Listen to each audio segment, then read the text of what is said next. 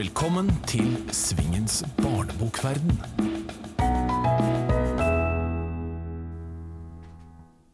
Velkommen til Svingens barnebokverden. Som vanlig er det to gjester. Denne gangen er det forfatter Mari Moen Holsve og forfatter Heidi Linde. Mari, Ja. velkommen. Tusen takk.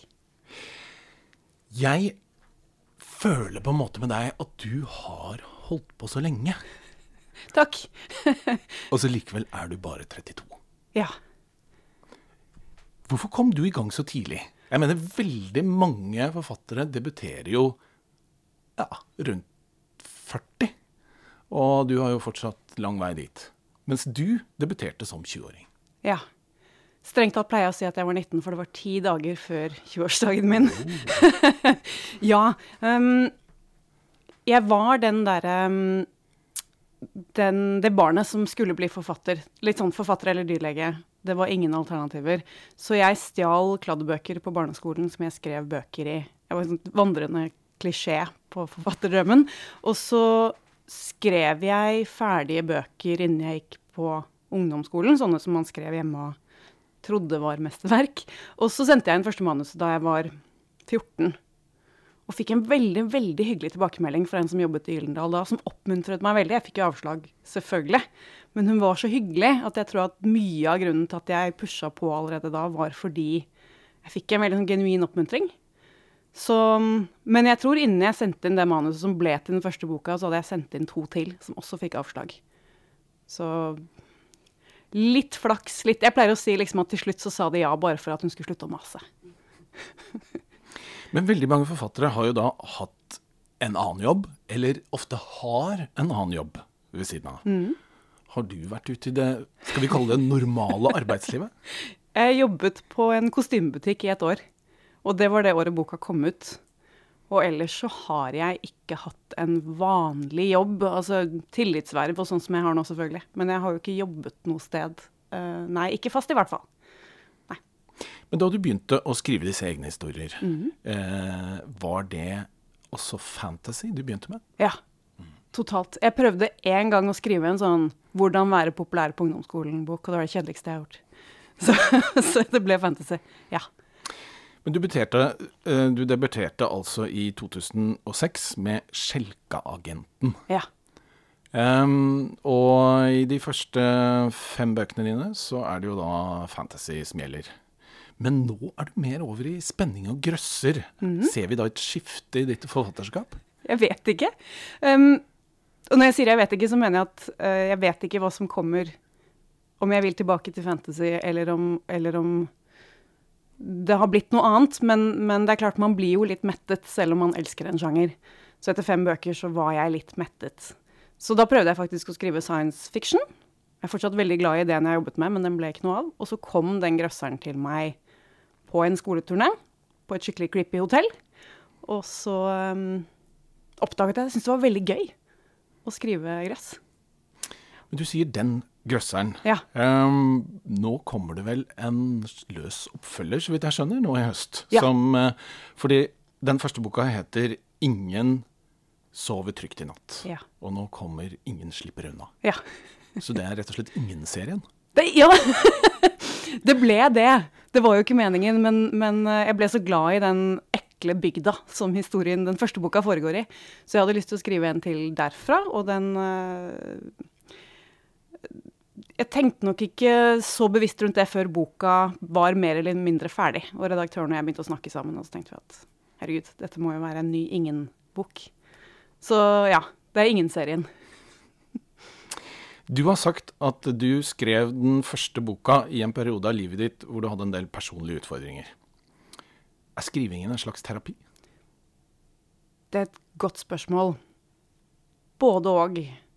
Det er helt riktig at den ble til Altså den første grøsseren ble til når jeg fikk eh, Jeg fikk angst og depresjon. Jeg har på en måte ikke vært Har ikke lagt skjul på det. Så, så Og en stor del av det var jo også at du får Hvis du på en måte låser deg i en sånn angsttankegang, så kan den bite seg fast i alle aspekter i livet ditt. Og hvis den biter seg fast i at du blir redd for at du ikke lenger kan det du tror du kan, så blir det på en måte så selvoppfyllende at det lammer deg helt. Så jeg har jo hatt angstanfall sittende ved tastaturet, ikke sant, som er helt Som ikke har noen rot i virkeligheten, men du gjør det til virkelighet. Så på det verste så var det overhodet ikke terapi å skrive. Men det er det nå, i større grad. Men jeg har veldig sånn elsk-hat-forhold til hele den prosessen med den boka av det. Men får den angsten noen innflytelse på historien, på en måte? Ja, definitivt. Det er jo, I den første av, av disse grøsserne så er det jo en karakter som har angst. Fordi jeg for første gang i mitt liv forstår hvordan det er å ha det. Og i den som kommer nå, 'Ingen slipper unna', så er hovedpersonen en jente som Hun blir ikke mer redd enn andre mennesker, men hun opplever ting som gjør at hun blir veldig redd. Og en av de beste tilbakemeldingene jeg fikk fra redaktøren, var jo at eh, Mari, du, du, du, er veldig god på å skildre det å være redd. Og jeg var sånn Yes! Ja, jeg vet hvordan det er å være redd. Så og det, det, var jeg ikke før jeg hadde angst. Så jeg har uh, lært meg å skildre frykt mye bedre. Så det er positivt. For, for, det å skildre frykt er ganske vanskelig, det. Det er en av de tingene som jeg opplever som uh, hvordan komme nær den frykten som min hovedperson opplever. Mm. Jeg syns fortsatt det er vanskelig. Jeg tenkte ikke over det før. Jeg var på en måte nesten litt sånn arrogant i at skriv at hun er redd, så betyr det at hun er redd. Men nå har jeg en veldig sånn stor respekt for det å være redd. Så da Ja, det, det kommer mer naturlig til meg nå. Går det bedre nå? Ja ja. Det, ja, det går kjempefint. Takk. du er jo kanskje mest kjent for uh, Halvgudene. Mm. Uh, det er jo da en trilogi. Kan du gi oss en liten innføring i det universet som da er myntet på noen som ikke er fantasy-ekspert? Oh, ja. Uh, um, det er et univers som er parallelt vårt eget, uh, som har viss Jeg vil ikke si middelalderpreg, men det, jo, det, er jo et univers fritt for teknologi, og det er jo et univers med en del overnaturlige skapninger og vesener som ikke fins i vår verden, sånn som fantasy gjerne har. Og det er også et univers med en rik mytologi. Um, 77 guder, mener jeg å huske det er i det universet. Og det er jo fordi jeg fant opp disse gudene da jeg var 17 år gammel. Så det bærer preg av liksom geeky kvelder hjemme. Mm. Kunne du husket alle de 77 nå? Nei, overhodet ikke. Husket ikke da heller. Jeg har en jukselapp. Ja. Ja, og de er alle guder for forskjellige ting også, ikke sant. Mm.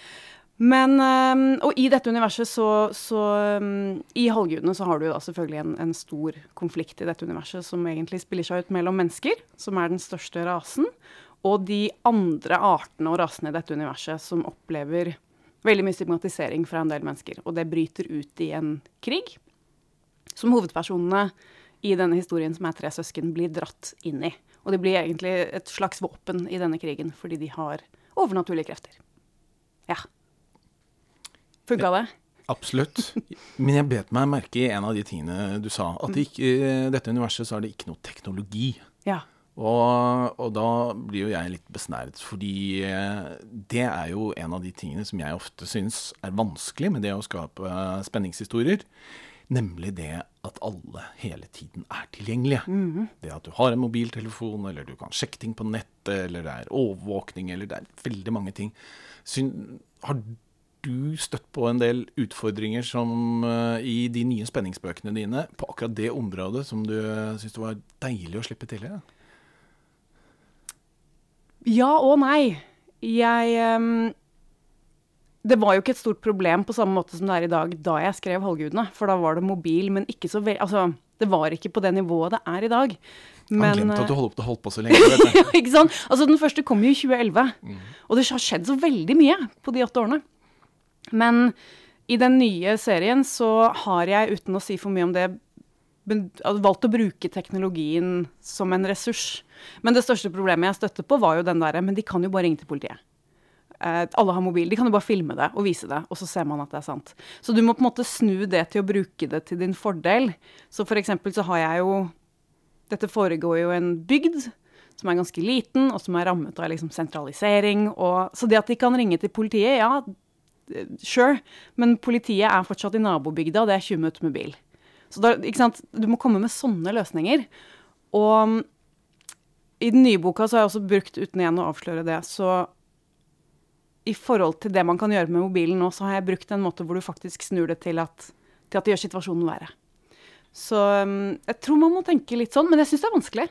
Definitivt.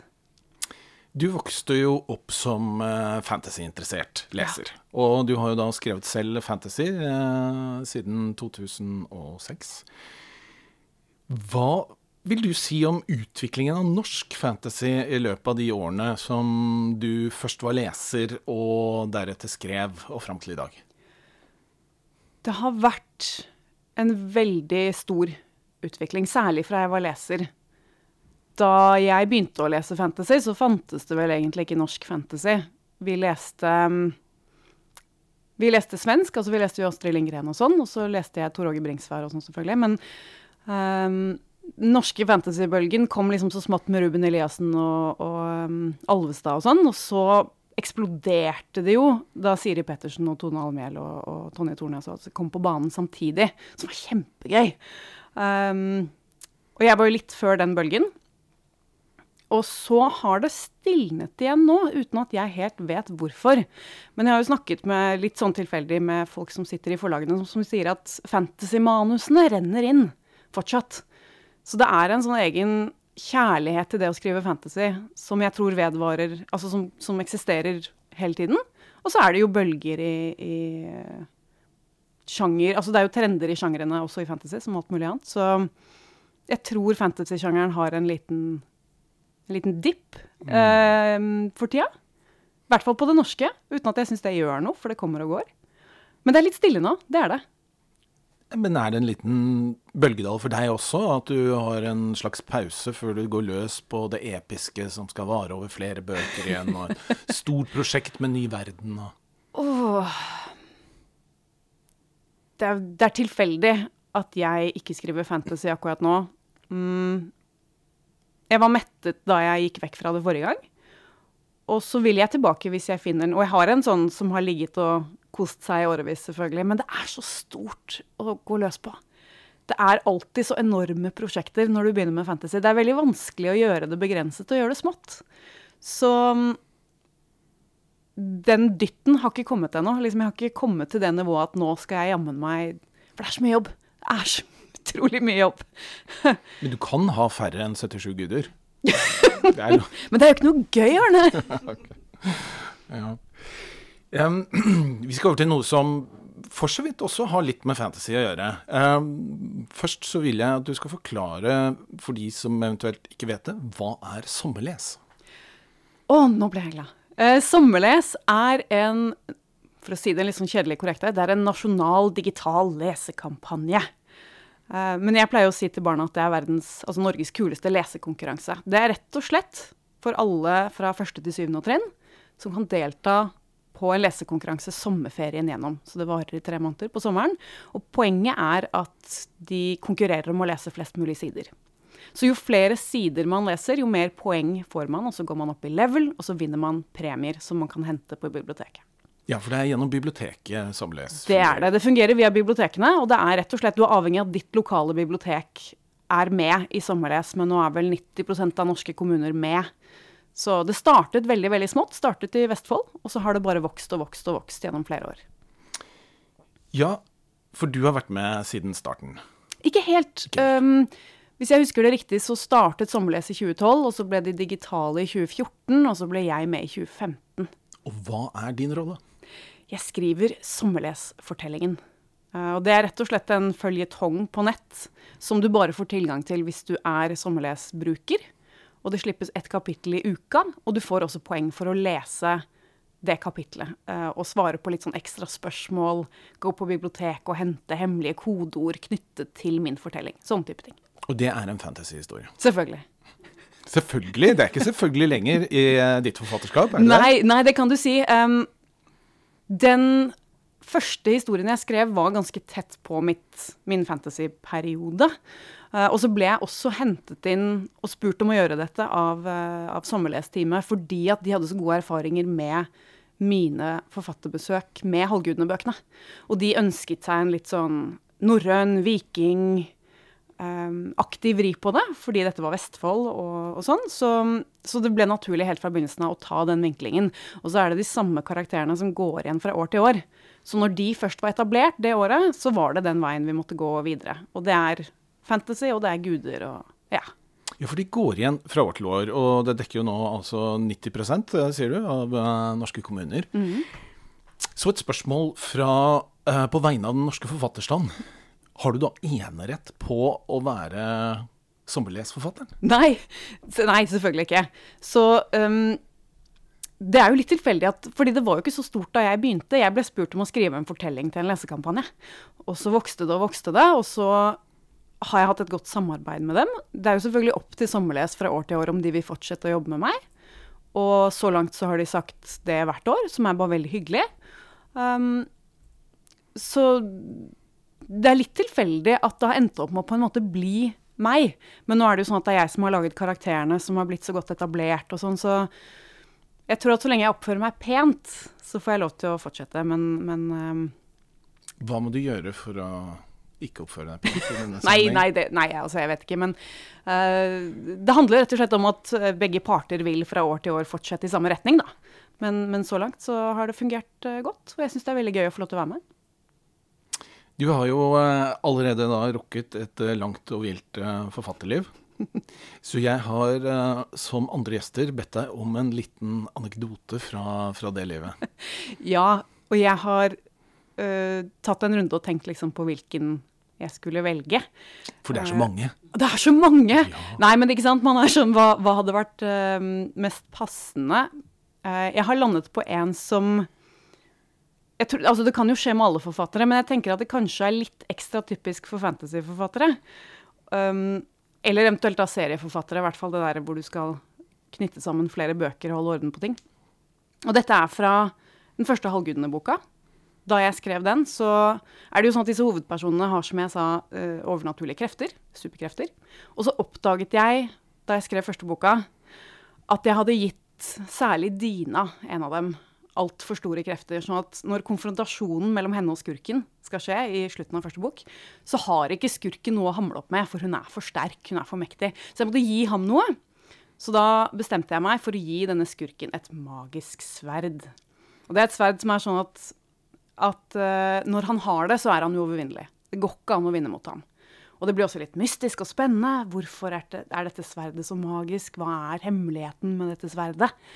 Og jeg skrev det, og det funka, og, og, boka ble ferdig. Jeg var veldig fornøyd med det. Tenkte ikke noe mer på det. Og boka kom ut. Den vant Arks barnebokpris. Det, sånn, det ble, skjedde mye med den boka, og jeg var veldig gira den perioden. Skrev bok to. Og jeg var veldig mye ute på skoleturné, på forfatterbesøk. Og det var jeg også da jeg holdt på med tredje boka. Siste boka i serien. Og da hadde halvgudene blitt såpass stort at det var veldig ofte at når jeg var på skolebesøk, så var det elever i klassen som hadde lest de to første bøkene, og som var veldig gira og veldig fans og kunne veldig mye. Stilte mye spørsmål, og jeg syntes det var veldig stas. Og i den perioden hvor jeg jeg hadde skrevet ferdig tredje boka, jeg tror jeg skulle sende den til redaktøren min eh, så fort som mulig, så var jeg altså på besøk på en skole hvor det var en sånn fan, en elev, en gutt som var blodfan og hadde lest de to første bøkene og var kjempegira. Og jeg fortalte at jeg hadde skrevet ferdig den tredje, og den kommer snart, og sånn. Og så rakte han opp hånda, og så spurte han, men Mari, hva er greia med det sverdet til fritilgård som er skurken, da? Og så smilte jeg veldig lurt, og så sa jeg ja, det kan jeg jo ikke si. Du må jo vente til boka kommer, så får du vite hva som er greia med det sverdet. Og så ble jeg ferdig med skolebesøket, forlot skolen, og jeg tror jeg nesten løp til toget fordi jeg måtte komme meg hjem, skynde meg hjem. Jeg hadde helt glemt det sverdet. Og ikke bare hadde jeg liksom glemt at jeg måtte komme med en forklaring på det, jeg tror ikke det sverdet var med i det hele tatt i den tredje boka. Så, så, jeg måtte rett og slett hjem og både skrive inn det magiske sverdet og forklare hvorfor i alle dager det var magisk. For det hadde jeg heller ikke planlagt da jeg skrev det inn i den første boka. Så takket være den gutten på skolebesøk, så fikk jeg rettet opp i den feilen før forlaget fikk en bok med et ganske stort plot hole, som vi kaller det. Så ja. Så det du forteller her, er jo egentlig en av ulempene ved å, la, å skrive fantasyhistorier som er episke og store og har mange karakterer og yes. mange evner og ja. ikke minst sverd og andre remedier, så, så er det lett å glemme noe. Ja ja, og det er kjempeflaut. Herregud, jeg burde ha kontroll på våpenet til, skur til liksom, hovedskurken min, men uh. Vi skal snakke en eh, liten eh, ja, liten alvorsting, fordi eh, du er jo da nestleder i NBU. Det er da Norske barne- og ungdomsbokforfattere, som er jo da foreningen Vår forening. mm -hmm. Og som nestleder der, hva er de største sakene som det jobbes med for tiden? De viktigste sakene for Forfatterfagforeningen? Oi. Um, det er det er flere ting, selvsagt. Eh, jeg har jobbet mest med skolebibliotekene. Eh, og hvordan vi kan få denne litteraturen ut i hverdagen til, til barn og ungdom. NBU jobber jo veldig mye nå med særlig utviklingen på ulike flater. ikke sant? Hva skjer med bøkene? Eh, vi ser det jo litt på lesetallene, og vi ser det på hvordan de forflytter seg på, på hvilke arenaer de befinner seg på. Så hvis forfatterne skal flytte seg med dem, hvordan kan vi sikre at forfatterne får likevel den inntekten de har krav på? Uh, hvordan sikrer vi at dette fortsatt er et kollektivt, at det er dugnadsånd, at vi står sammen om det? det? det? er jo en av de store sakene, vil jeg si, om dagen. Ja. Mm. Men det er nok å ta tak i for tida, er det ikke? Det er jo det. Mm. Og det er jo bokår, og, um, og det, altså det, det, er, det, er, travelt på kontoret til MBU, da, for å si det på den måten. Det er det. Er du uh, bekymret for uh, sviktende salgstall for tiden? Jeg har vært det. Nå er jeg litt både òg. Hmm. Jeg tror at det, de sviktende tallene er resultat av en litt sånn uheldig sammenfall av at vi både sitter og er digitale. Og jeg merker jo selv at det krever litt mer enn det gjorde før å sette seg ned og stilne for å lese en bok. Uh, og så er det jo sånn at det går i bølger. Lesetrender går i bølger. Så jeg tror den kommer litt tilbake igjen. Jeg tror det kommer til å bli litt kult å lese igjen. Og så vet vi jo allerede at uh, og det er mange eksempler på at folk nå tyr til litteraturen for å få en pause. For å ikke hele tiden være på, og ikke hele tiden måtte sitte og være tilgjengelig i alle kanaler. Og så tror jeg også at litteraturen flytter seg rundt, og, og, at forfatterne flytter seg rundt, og at historiene må vi jo alltid ha. Så jeg tror det er en brytningsfase, men jeg tror vi tilpasser oss. Det tror jeg er en god anledning for å få inn uh, dagens uh, andre gjest. Uh, Heidi, hvis du kan komme inn i studio her. Så har jo du stor og bred erfaring med mange utgivelser både for barn og ungdom, men også for voksne. Hvordan ser du på bokmarkedet for tiden? Oh, jeg må si at jeg er litt uh, pessimistisk. Eh, jeg er inne i en sånn fase nå med sånn framtidspessimisme som jeg prøver å skyve unna. Men uh, samtidig så har jeg jo barn både i skole og barnehage og ser jo det enorme fokuset på lesing. Og at det er mye bra opplegg rundt det. Og så er det det at de skal henge med videre. Det er det som jeg tenker er litt sånn utfordring, at de ikke skal slutte når de blir ungdommer og, og voksne. Mm. Hvis jeg kan stille et felles spørsmål, hva eh, Vi har jo på en måte få rammer rundt oss som vi ellers ville hatt på en arbeidsplass. Eh, er det en fordel eller en ulempe i skal vi si, vanskelige perioder? Det å være forfatter og ha få rammer, tenker du? Ja. I vanskelige perioder ja, Det er jo veldig vanskelig å si det ene eller det andre til, syns jeg. Uh, noen ganger syns jeg at det er en fordel også. Uh, jeg er ikke blant de forfatterne som syns at det er veldig fælt å sitte aleine. Uh, eh, jeg tror egentlig ikke det er så mange forfattere som syns det er fælt å sitte aleine, for da tror jeg ikke vi hadde vært det. Men det er mange andre som sier men jeg håper i hvert fall du har noen å spise lunsj med. Sånne kommentarer har jeg fått. ja. Og jeg sier nei, men da kommer jeg jo helt ut av det. Det er jo så deilig å sitte og spise og så bare la det spinne og spinne, og så kan jeg løpe tilbake til tastaturet. Uh, men jeg tenker at, eller sånn for min del i vanskelige perioder, eller det å stå fast osv., så, videre, så så hvert fall når man har noen utgivelser, så har man jo et forlag og en redaktør. Uh, og for meg er det gull verdt, selvfølgelig i gode perioder, men, men, også i dårlige perioder. Å kunne snakke med de, noen som kjenner meg, noen som kjenner forfatterskapet mitt osv. Så, videre. så um, ja, vet ikke hva du sier, Mari? Nei, jeg tenker at uh, det er veldig sånn som du sier. Jeg tror ikke det er vanskelig å Jeg syns heller ikke det er vanskelig å sitte alene. Så i vonde, altså vanskelige tider, i hvert fall sånn som vi snakket om nå med nedgang i, i salgstall og sånn, så har jo ikke vi den garantien uh, Alle disse sosiale betingelsene som du har hvis du er fast ansatt, det er jo den på en måte Det er den man kan miste nattesøvnen av, tror jeg, da. I hvert fall kan jeg kjenne på det selv, at det er greit å spare litt ekstra. Mm. Fordi man har ikke noe å falle tilbake på på samme måten. For uh, hvis vi skal si bortsett fra friheten da, som man har ved å kunne legge opp dagen sin som man vil, og, og sånn, hva, hva, vil du si kanskje er den aller største fordelen med å være forfatter, uh, bortsett fra det? Og kan jeg for, for min del så er det å få lov til å tilbringe store deler av dagen inni min egen fantasi. Ja. Rett og slett? Ja. Uh, jeg tenker jo at uh, Ja, nå sa du at vi ikke fikk si, si det med frihet, da. Uh, men jeg klarer nesten ikke å Jeg må bare si, nevne det. Ja. Det er Ja. Det er ja, inni din egen fantasi, inni mitt eget hode, tenker jeg. Mm. slippe folk, det er jo forferdelig fælt å si, men jeg syns det er Veldig glad i folk, men også veldig glad i å slippe dem i perioder. Um, men det er vel, når du skisserte oppveksten din, Mari, og den uh, nerden som gikk rundt og skrev, så var det som å høre om meg sjøl. Mm. Og uh, den derre drømmen uh, som for meg ikke var uttalt før jeg var Ja, før jeg begynte på forfatterstudiet da jeg var 21. Var vel, da måtte jeg vel si at det var det jeg drømte om. Men å gå rundt i Kongsvinger og si at man ville bli forfatter, det var i hvert fall ikke noe jeg gjorde. Um, dette var før Levi Henriksen, så det var ikke så mange Dagny Juel hadde visstnok uh, bodd der. Men hun ble jo skutt av sin polske elsker osv., så, videre, så det var ikke så lett å gå rundt og være 10-12 år og identifisere seg med, med henne. Um, men um, det å få gjøre det som man har hatt så innmari lyst til, og det som man liker så innmari godt, det å få gjøre det hver eneste dag Det hender at jeg glemmer det, så klart, og sitter der og river meg i håret og får det ikke til. og syns det er vanskelig, og syns ikke forlaget ser hvilket stort geni jeg er, osv. Men, men um, ganske så ofte så får jeg også den derre Heidi, ti år, uh, står og ser på meg og sier Fy søren, altså. Du fikk det til. Dette er hverdagen din. Dette er jobben din. Og det er helt rått. For jeg tenker ofte at de dagene hvor det virkelig går trått, og du virkelig har dårlige dager, så jeg er veldig glad for at jeg ikke har kollegaer. Fordi jeg føler at det ville i stor grad gått utover dem. Mm.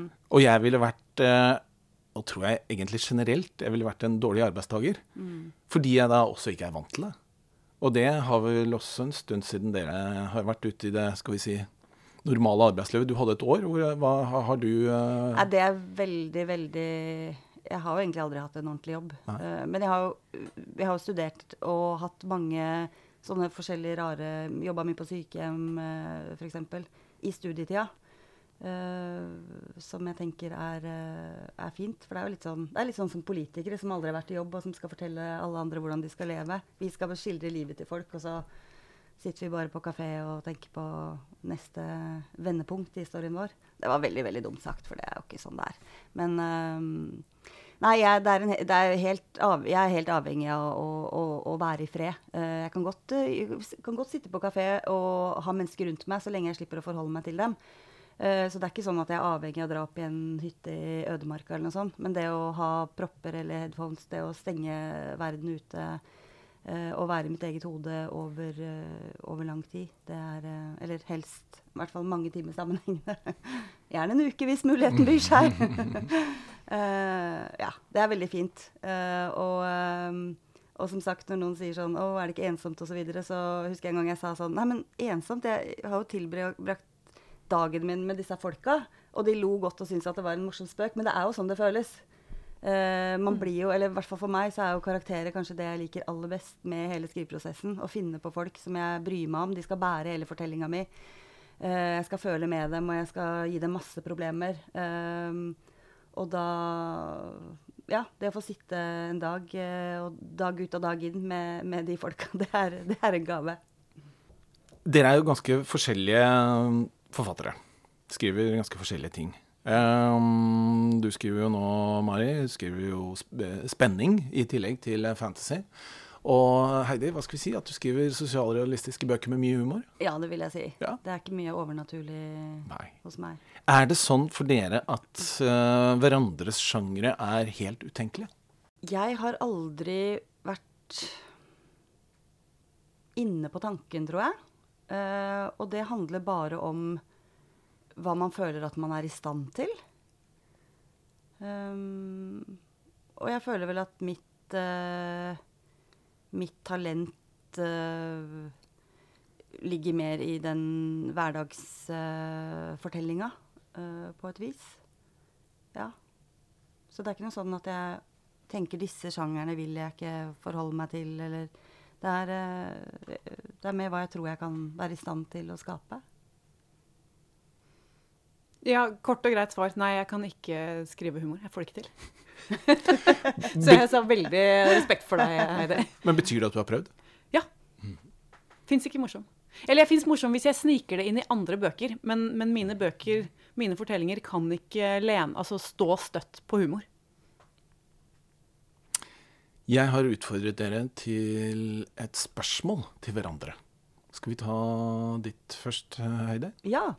Jeg tenkte bare at du skulle få anledning til å skryte litt av deg selv. Så jeg lurte på hva den fineste tilbakemeldinga du har fått av en elev eller av et barn, en leser. Ikke av en voksen men av, eller anmelder, men av en leser. Å oh, ja. Um, det er et godt spørsmål. Og jeg har fått et par sånne um, litt sånn nydelige, klassiske uh, 'Det er den beste boka jeg har lest i hele mitt liv'-type mm. ting.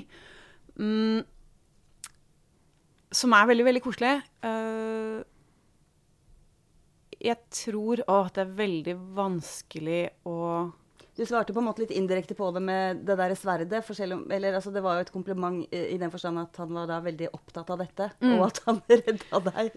Ja, ja ikke sant? og det er jo generelt fordelen med fantasy, at du får noen veldig, veldig ihuga fans. Ja. Jeg tror kanskje det nydeligste, altså, nydeligste opplevelsen jeg har hatt med en sånn fan, er en som jeg hadde som To ting. Det er en som var veldig, veldig stor fan, som fikk meg på besøk til en eller annen sånn avsidesliggende bygd ene og alene fordi hun var så fan at skolen gikk med på å invitere meg. Da hadde hun laget syltetøy til meg og et sitteunderlag som hun hadde strikket hjemme. Som jeg fikk lov til å ta med meg hjem. Um, det var helt, helt, nydelig, og vi satt og pratet i en time. Hun var kjempesøt. Og så var jeg i uh, Finnmark, hvor jeg også var spesielt invitert fordi mm. hele klassen var så fan. Og når jeg kom dit, så hadde alle i klassen kledd seg ut som samtlige karakterer Nei, i Halvgudene. De hadde bygd borgen som eh, historien foregår i. Og de hadde laget eh, Universet i Halvgudene heter Tiladenen. Det er et sånt kronglete navn. Det er eh, masse små øyer. 31 øyer. De hadde laget det på en sjokoladekake. I sånn kjempedetalj. 31 bitte små øyer på en kake. Som Ja. Det, det vil jeg si er en av de fineste Fantastisk. tingene. Ja. Du har ikke fått strikket noe Ikke fått det i det sitte, hele tatt. Nei, nei, jeg kjenner jeg blir litt sånn Jeg også ble litt sjalu der. Men jeg, jeg var ikke i nærheten. Men dette er fantasy-leserne, altså. De er ja. helt fantastiske. I Finnmark så fikk jeg en gang et tilbud fra en gutt som gjerne ville ha røykmaskina som jeg hadde med, og han sa han kunne bytte den mot et rein.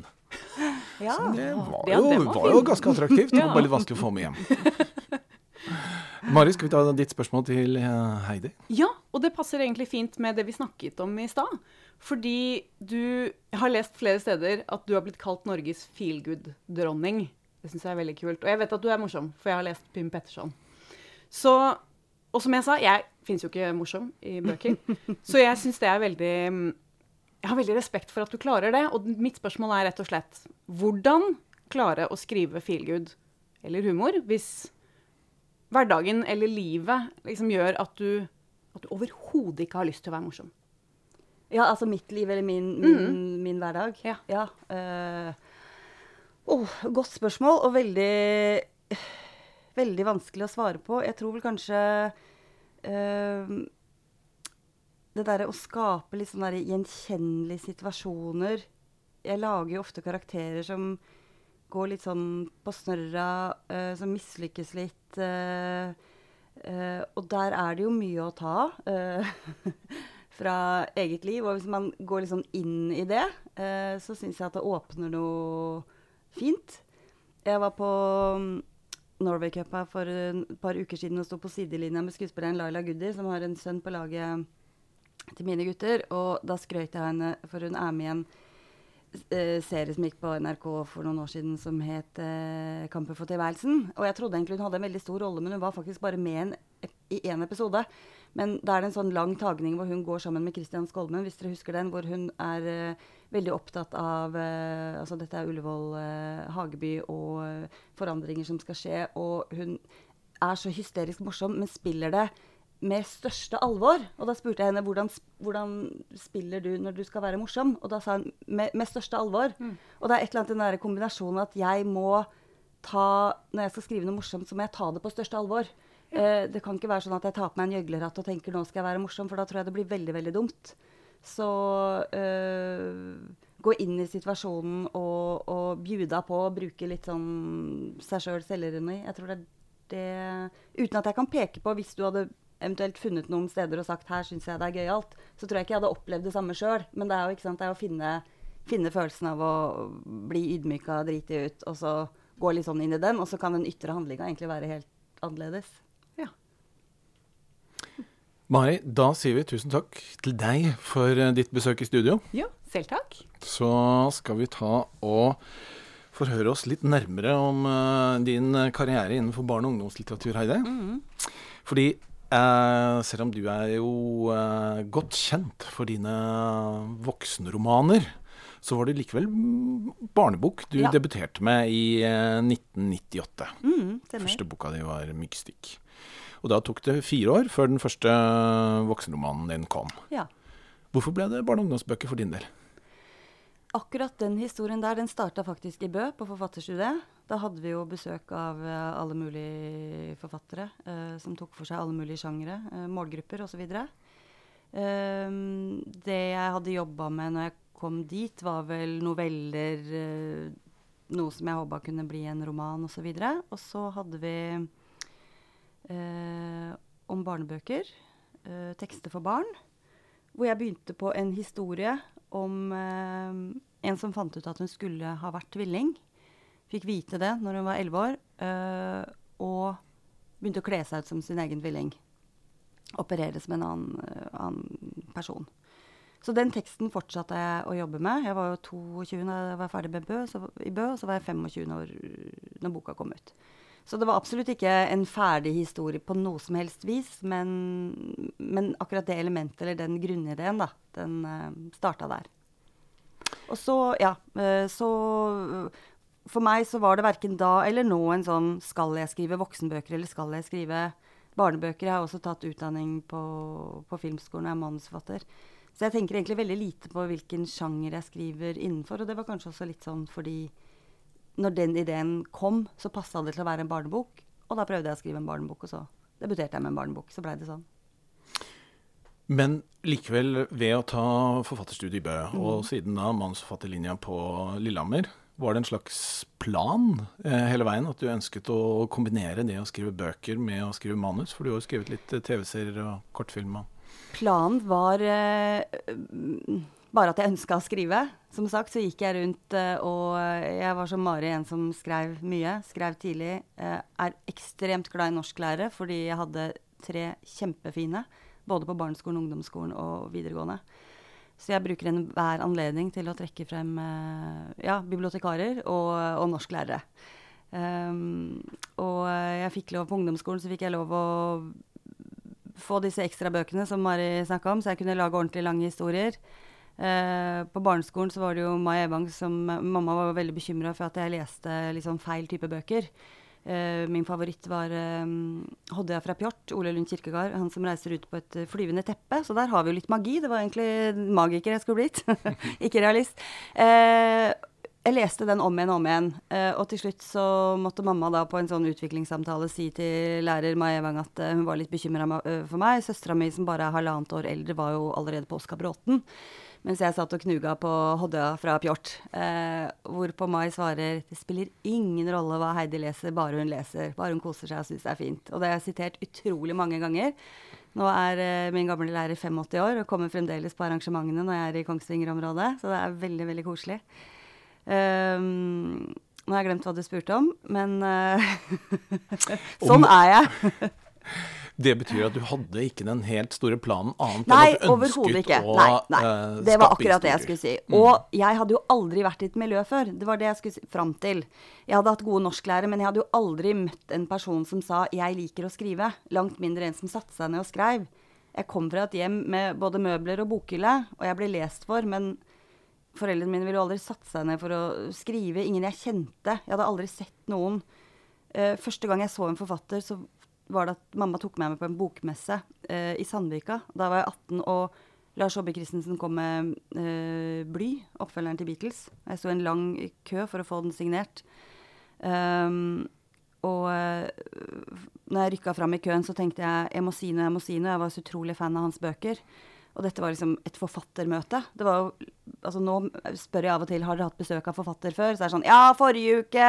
Så, eller alle, alle har jo hatt det. Jeg tenker å, tenk om vi kunne hatt en forfatter på Kongsvinger sentralskole da jeg var elleve år. Um, og jeg rykker fram i køen. Jeg tenker jeg må si noe, jeg må si noe. Dette er så stort øyeblikk for meg. Og så er det min tur, og så sier han skal jeg skrive til noen. Og så sier jeg ja, du kan skrive til Heidi. Og så gjør han det, og så tenker jeg jeg må si det, jeg må si det. Si noe. Og så idet jeg får boka, så sier jeg tusen takk for mange kjempefine bøker. Puff, og så rødmer jeg. Og så sier han eh, takk for det. Puff, og så rødmer han. så det var et sånn fint, fint, fint, fint møte. Men det vil si at da jeg kom til Bø, var 21 år. Jeg hadde aldri vært sammen med eh, mennesker som likte å skrive.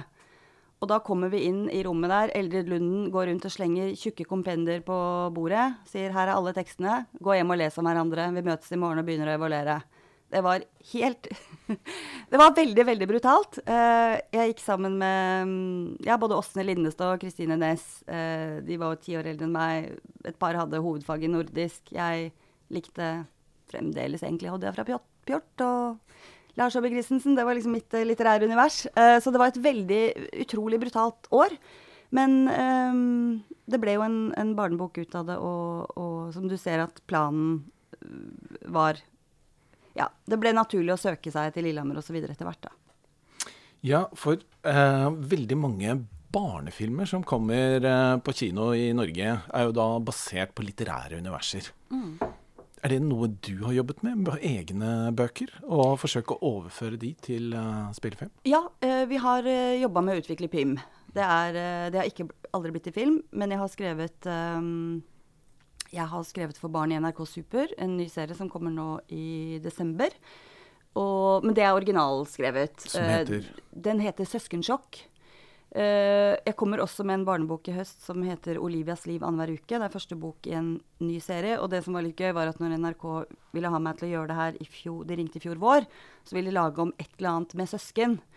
Eh, og da jobba jeg med den annenhver uke. Jeg drev og skulle ja, jeg var midt inne i Olivia, som jo bor annenhver uke hos mor og far og har veldig ulike søskensituasjoner, ulike liv, men syns at helheten er egentlig helt perfekt. Jeg hadde lyst til å lage en positiv fortelling om det å bo to steder. Um, og så når jeg da skulle jobbe med NRK, så var jo det litt sånn i, i samme tematikk. Det jeg har inntrykk av der oppe, er at de veldig ofte vil lage ting originalt.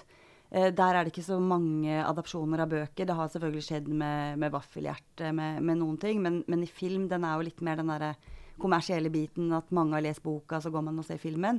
Og det jeg syns er så fantastisk med NRK Super, er at de jobber så utrolig grundig, de gjør så masse research. Og jeg syns det kan være litt sånn vanskelig sjøl å ringe rundt og være forfatter og vil gjøre research og ringe en skole og si har dere noen barn fra noen skilte hjem eh, som jeg kan snakke med, ikke sant? Og kommer man i NRK Super, så tar produsenten en telefon, og så er det sånn ja, dere kan møte på Nordpolen i morgen klokka tolv, og så sitter det dette utvalget av barn som kan snakke med dere. Så, og, men de tar også researchen veldig veldig på alvor. Eh, gjør mye samtaler med barn, er veldig opptatt av målgruppe, hva slags virkelighet de har. Eh, for der må jeg innrømme at jeg syns ofte at vi forfattere er litt sånn slumsete. At vi kan lage en, kanskje en mobbehistorie lagt til nåtid hvor ikke sosiale medier er med i det hele tatt, f.eks. Uh, hvis man gjør det, så må man i hvert fall ta et veldig bevisst valg. Uh, helst legge det til en, uh, en bygd uten dekning, eller uh, teknologi, manglende teknologi, som Mari snakka om. Eh, der tenker jeg at vi er litt latere, uh, vi forfattere. At vi ofte kan tenke ja, men 'Jeg husker så innmari godt åssen det var å være tolv år', så det har ikke forandra seg. Og da tenker jeg nei, følelsen av å føle seg utafor, av å være forelska, bruk det for alt det er verdt, men vit at hverdagen til tolvåringen i dag er helt annerledes enn når vi er tolv. Så hvis man lager en realistisk ramme rundt det, så må man orke å faktisk sette seg inn i den hverdagen, tenker jeg. Men tenker du noen ganger på når du bruker de sosiale mediene, at denne boka skal kanskje ha et lite liv på noen skolebiblioteker framover, og om fem år så kommer den til å være datert? Ikke sant. Selvfølgelig. Det også. Så det er å finne akkurat den, der, akkurat den balansen, da. Det er kjempevanskelig. Hvis du tar på deg manusforfatterhatten, og er det sunt at så mange av de norske spillefilmene er basert på litterære universer, og så få er basert på originale manus? Nei, det syns jeg ikke i det hele tatt. Det er kjempesynd. Men det, det, ser man jo med de kommersielle filmene som lages også. Nå er det jo sånn Etter Max Manus så skal man jo ta krigen og skal ta, ta, ta, ta for seg alt. Det, det, blir jo selvfølgelig et mangfold, eller et begrensa mangfold. Så jeg skulle veldig gjerne sett eh, Og på teater også, ikke minst Uh, Egner er jo helt fantastisk, men det er også Det burde også være mye mer rom for, eh, for nyskrevne historier til barn på teatret. Og så veit man at foreldre som står i bokhandelen og skal, er kjempeopptatt av at ungene skal lese. Det er utrolig lett å ty til, ty til klassikerne. Eller Jon Espe og disse kjente navnene som man sjøl kanskje leser voksenbokvarianter av. Så jeg, jeg, ser jo helt klart den biten. Og derfor er det jo helt gull med bokhandlere som er, er engasjerte og, og, leser seg opp på mye. Jeg syns jo det er mange flotte Nå har jeg skrytt av bibliotekarene og lærerne, men jeg må jo nevne bokhandlerne òg. Tenker du selv veldig filmatisk når du skriver? Bøker? Ja. Øh, den første barneboka mi, øh, som het øh, 'Myggstikk', den husker jeg det var mange som sa at den kunne blitt film, for det er så visuelt. Uh, og uh, da um, har jeg tenkt etterpå at ja, jeg ser ting veldig for meg. At, men den filmatiske kvaliteten, det tenker jeg er noe annet. Fordi at det er mye mer um, en film en, en, fin, fin barnebok kan være visuell og nydelig å se på. Og den kan skildre en tilstand, f.eks. over 100 sider. Uh, mens en film har mye større krav til, til handling, til en karakter som har et mål som får motstand, som når målet sitt eller ikke når målet sitt. Eh, alt dette som høres litt sånn Jo, men det er jo ikke sånn i alle filmer. Og så går du og ser filmer, så er det sånn i 99% av alle filmer. I hvert fall barnefilmer. Så, så, når man snakker om filmatisk, så tror jeg mange tenker på det visuelle, mens jeg kanskje tenker mer på det strukturelle, eller hvordan historien er bygd opp, da, dramaturgien. Men jeg ser jo det at sånn som nå, nå jobber jeg med toeren til Olivias liv, og da har jeg jobba ganske lenge bare med Det er første gang jeg har jobba så uh, mye struktur. Altså nå har jeg hele historien på én uh, eh, A4-side. Uh, eh, og jeg har ikke skrevet den ut ennå, men det kommer til å gå lekende lett når den siden er For nå, jeg har, har første boka, jeg har universet, jeg har karakterene. Så nå er det mer sånn Hvordan skal jeg orkestrere dette her? Og da ser jeg at OK, men hvis de skal få hvis de brødrene skal miste klassebamsen, hvor skal den etableres for å bygges opp? Jo, da må vi legge inn det der, sånn at klassebamsen er etablert. Hvor skal den uh, dukke opp igjen? Hvor er det hun skal finne Jo, den er der. Ok, da har jeg tre steder. Trenger jeg enda et sted klassebamsen skal gå igjen? Det er bare helt sånn strukturelt som er på en måte tørt og kjedelig, men når jeg har det fundamentet i bånn, så er det kjempegøy å, å skrive ut og, og ha masse gøyal dialog osv. Men jeg må vite at storyen er i bunnen, da. Og det gjør de på alle bøker? Jeg har aldri gjort det så skjematisk eh, noen gang som nå. Men uh, i og med at jeg som sagt hadde den uh, Jeg jobba litt tilsvarende på den første boka, i Olivias liv. Men, um, men, der skrev jeg litt, og så gikk jeg litt tilbake, og så lagde jeg en disposisjon, og så endra jeg den. Og nå, nå kjente jeg at, at såpass mye var på plass av karakteren og universet at jeg kunne på en måte begynne litt med, med strukturen, da.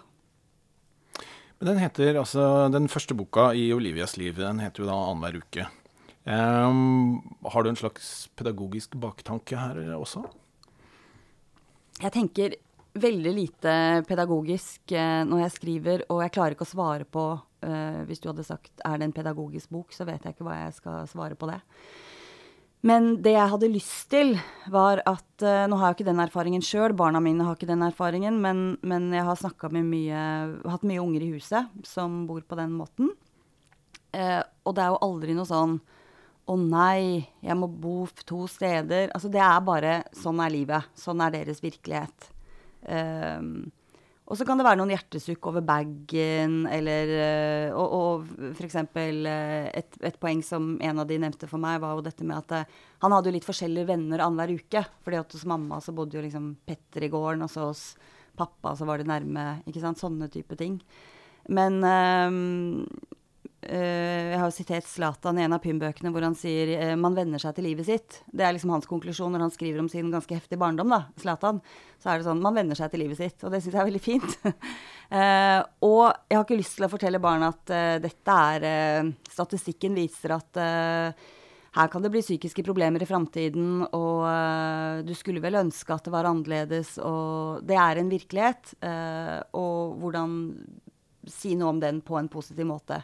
Det betyr ikke at jeg ikke vil anerkjenne de utfordringene som selvfølgelig uh, kan ligge der. Uh, men for Olivia er dette en, en løsning som, som, er bra, og så er det selvfølgelig noe som skjer som setter historien i gang. Men du sier nå du jobber med bok nummer to, som da vil komme kanskje til våren? Ja, jeg håper det. Eller mm. neste høst. Håper, ja. håper, neste år. Og da er det jo starten på en serie. Mm. Planlegger du da hvor stor denne serien skal bli? Uh, jeg tenker tre bøker i første omgang. Um, det var det jeg også hadde tenkt med Pym. Men Der ble det fem, ble det ikke? Uh, jo, og det var rett og slett sånn press fra leserne. Uh, det var veldig gøy å oppdage. Jeg var på en skole en gang hvor de Brandal skole i Kongsvinger, hvor de var så lei av å vente på ny Pym-bok, så de hadde skrevet sin egen. Så du bare ga ut den, da? Ja, ikke sant. Lærer, det var selvfølgelig da en driftig lærer som dro litt. Og de hadde da funnet på Pyms mislykka skoleball. Uh, og så ga de den til meg. Alle hadde skrevet et kapittel hver. Det hang jo ikke sånn helt sammen osv. Det skulle jo De var uh, 12, år. Men eh, da sa jeg bare umiddelbart at Får jeg lov å stjele den tittelen? og det fikk jeg, hvis jeg skrev at boka var til dem. da. Så den, det er jo en hilsen til Brandval skole i den, den boka. Uh, og da er jo hun ferdig med 7. klasse når den eh, slutter. Og jeg tenkte ungdomsskole, nei, det, det, kan jeg ikke gå inn i. Det orker jeg ikke. Og det blir en, en ny virkelighet osv. Og, så og så sa jeg det et, til svar på et skolebesøk hvor noen spurte om det kom flere. Og da var det en elev som sa men det er jo en sommerferie da før hun skal begynne på ungdomsskolen. Så siste ble da Pyms mislykka sommerferie. Så da blei det fem. Men hvis noen eh, elever kommer med enda flere gode ideer, utelukker du flere da? Ja, det har jo vært noen av det. Så jeg tenkte at det kunne jo vært en Pym Goes ungdomsskolen, liksom. Men uh, jeg vet ikke. Vi får se. Hvor kom uh, Pym fra? Du, det kom fra et ønske om å lage en karakter som var jente, som tok ganske mye plass. Uh, som gikk litt uh, på trynet. En antiheltinne hadde jeg lyst til å lese, lage. Jeg hadde lest mange veldig fine antihelt jenter eh, som gutter. Og jeg syns at de fikk litt mer handlingsrom ofte enn jentekarakterer. Og det handler jo sikkert om at de bøkene ikke i så stor grad var skrevet. Eh, så det hadde jeg lyst til å lage. Eh, og hvor uh, det snakkes mye om krav til perfeksjon og alt det der. Uh, vise et hjem som er helt, helt greit. de kommer litt for seint, har ikke med kake på avslutningen. Det er litt sånn litt, litt skakt, uten at det liksom problematiserer eller lager omsorgssvikt. Men, men, dette er bra nok. Uh, det tenker jeg er fint å kunne høre fra 8-10-årsalderen. Ja. Så kan man tenke oi, de er i hvert fall ikke så Det er ikke så hun mora, mora mi er i hvert fall ikke så ille som mora til Pym, som kommer ut i BH-en på middag når jeg har gjester, og så Mamma har i hvert fall på seg morgenkåpe, kan de, mine barn tenke da. Så ja det var, eh, det var ønsket å lage en, en, en sånn karakter. Og, og, fortelle noe som var eh, viktig i den forstand at det skal stå noe på spill for eh, en eh, elleveåring i, i, hennes eh, virkelighet, men samtidig ha rom for, eh, for, humor. Jeg hadde lyst til at bøkene skulle være tilgjengelige, at de skulle være ikke så kompliserte å lese. ja, det begynte der. Men Heidi, nå har det jo blitt en del bøker siden eh, 1998, og Mari nevnte jo dette med feel good bl.a. Men føler du selv det går en slags rød tråd gjennom eh, forfatterskapet ditt på noen måte? Det er også sånn jeg tenker veldig lite på, må jeg si. Når du spurte om plan, så tenkte jeg åh, jeg burde ha svart sånn der Ja, jeg satte meg ned og lagde en sånn tre i ti og strategi og sånn. Det har jeg aldri gjort. Og nå er jeg 46, og nå burde jeg kanskje liksom sikta meg inn mot pensjon og hatt liksom den store planen. Eh, det har jeg ikke. Jeg følger innfall, og jeg følger eh, eh, Altså glede. jeg veit at det er Mari sa at åh, gå inn i et sånt univers med 70 guder, eller hva du sa, med alt du skulle finne på. Jeg veit jo alltid at det koster mye å, å, skrive en bok, så for meg er det jo det å finne, finne karakterer som interesserer meg. Um, og nå svarer jeg overhodet ikke på om det går en rød tråd gjennom forfatterskapet mitt. Uh, men hvis, er, hvis, jeg skal si en rød tråd, så tror jeg det må være karakterer, da. Uh, karakterer som, som, bærer fortellinga, og som, som, interesserer meg. Jeg kjenner veldig sånn kjærlighet til de, og det, det tror jeg syns. Så framfor noen sånn plan eller uh, eller strategi, så, så, er det nok det å finne de karakterene. Det er, det er, det som gjør at jeg kan skrive nye bøker, og da spiller det ingen rolle om det er for voksne eller barn, eller om det er en TV-serie. Da har vi kommet til det øyeblikket hvor du skal formidle noe av den galskapen som du opplever som forfatter. Ja, i, uh... nemlig. Da skal jeg fortelle om et skikkelig vilt nachspiel, men da må jeg navngi en del kollegaer. Jeg vet ikke, Nei da, jeg skal ikke ta den. den tar vi når mikrofonen slås av. nei, um, jeg var inne på dette med skolebesøk. Uh, der er det jo mye å snakke om. Det tror jeg de fleste forfattere som har vært rundt, har opplevd. Uh, det ene er jo da det jeg fortalte om når jeg kommer til Brandval, hvor læreren sier her er, her er boka vi har skrevet til deg. ikke sant? Det er helt fantastisk. Og så har jeg også hatt noen i motsatt ende av skalaen. Og uh, jeg var på turné det var i 2006, og det begynner jo å bli veldig lenge siden. en hel uke oppe i Trøndelag hvor jeg tenkte etter det at dette Jeg kan ikke dra på skoler igjen. Um, og det har jeg heldigvis gjort, altså. Men da hadde jeg skrevet en bok som het Ljug. Uh, og hadde lagt et opplegg. Jeg skulle jo på Det var vel sånn tre skoler om dagen en uke. Det var fullt opplegg. Uh, så jeg hadde lagd det sånn tima det, du vet, sånn tre kvarter. Skulle snakke om ljug. Der er det en mobbeepisode hvor hovedpersonen blir eh, av en eldre stesøster og hennes venninne dytta oppi et badekar, for de påstår at hun har tissa på seg, noe som jo ikke stemmer. Og de sier at hun er en grisunge, og de dytter henne i badekaret. De spyler henne med dusjen så hun blir helt våt, og de trekker for dusjforhenget, og så sitter hun bak der og er skikkelig ydmyka. Og da kommer Fordi jeg er da hjemme hos venninna, uh, og da kommer broren hennes hjem, som denne hovedpersonen i badekaret er ganske opptatt av. En eldre bror som har vært ute og jogga. Som ikke ser at det sitter noen eh, bak dusjforhenget, og som begynner å kle av seg. Uh, så det, det, skulle liksom ende skulle, Hele den scenen skulle på en måte Alt jeg leste og fortalte, skulle opp mot den scenen. Også fordi at boka var oversatt til dansk. 'Det er løgn', som den het. Og der hadde de vært, eh, lagd et litt sånn frekk eh, annen forside enn den norske. For der er det bilde da av en gutt med rumpa til som skal dra dusjforhenget hvor hun sitter bak. Så det var alltid veldig, veldig gøy å vise det, for, eh, vise det omslaget. Og det husker jeg blant annet en del som dro man sånne høyhalsa genser som dro opp og sånn, for det var så flaut å se den gutterumpa. Så jeg visste at liksom Å, jeg ender opp i noe sånn fint og positivt eh, her. Eh, for det som var krevende eh, Elevene var fine. Det jeg syntes var veldig krevende med den turneen, var at her var det jo ikke eh, Du snakka om Mari, at du var invitert til Finnmark osv. av noen som ønska deg. Og min erfaring er at det er så utrolig forskjell på å være ønska, og det at noen sier sånn Ja, det kommer en forfatter i morgen. Åh, hva da vi skal ha om substantiv? Ja ja, vi får vel ta det. Ikke sant? Så den uka der var bare prega at jeg var så uønska, da. Jeg bare satt på lærerværelset, var skikkelig lost, og ingen snakka med meg. Og de lærerne kjørte meg rundt, og de sa ingenting. Og det var Elevene var for så vidt fine. De, hadde ikke, de ante jo ikke at de skulle ha forfatterbesøk, og ingen hadde lest noe om bøkene mine, osv., osv. Eh, men eh, men eh, det, det, det var ikke det som ga meg dårlig selvtillit, det var den der lærerværelsesfølelsen, da. Uh, som jeg tenkte, sug det inn, ta det til deg. Husk at enhver erfaring er viktig for forfatter. Når du skal skrive om utenforskap, så skal du huske å sitte her og være luft for disse damene og mennene. Men i hvert fall så var jeg på skole. To besøk. Uh, A-klasse, B-klasse. Og så går jeg inn i A-klassen, kjører dette her. Hun er i badekaret. De sier hun har tissa på seg. Grisunge. Vise omslaget. Stor suksess. Og så er det en lærer da som er til stede på dette. Og så følger hun meg over gangen. Det var ikke pause, det var rett på neste klasse. Og så idet hun liksom åpner døra til neste klasse, sier jeg sånn Ja, du må, du må si noe annet her inne, fordi at jeg har ei med mye psykiske problemer og sånn, og hun eh, har sånn mye ufrivillig Eller hva heter det, sånn tisse på seg Det heter Ja, jeg husker ikke hva det heter engang, men du vet. Så, eh, så her må du bare si noe annet. OK, dere, da er det forfatter. Og jeg var sånn Herregud, nå skal jeg si noe helt annet. Og da Ja, ikke sant? Så jeg måtte kaste meg rundt. Og det gikk kjempedårlig.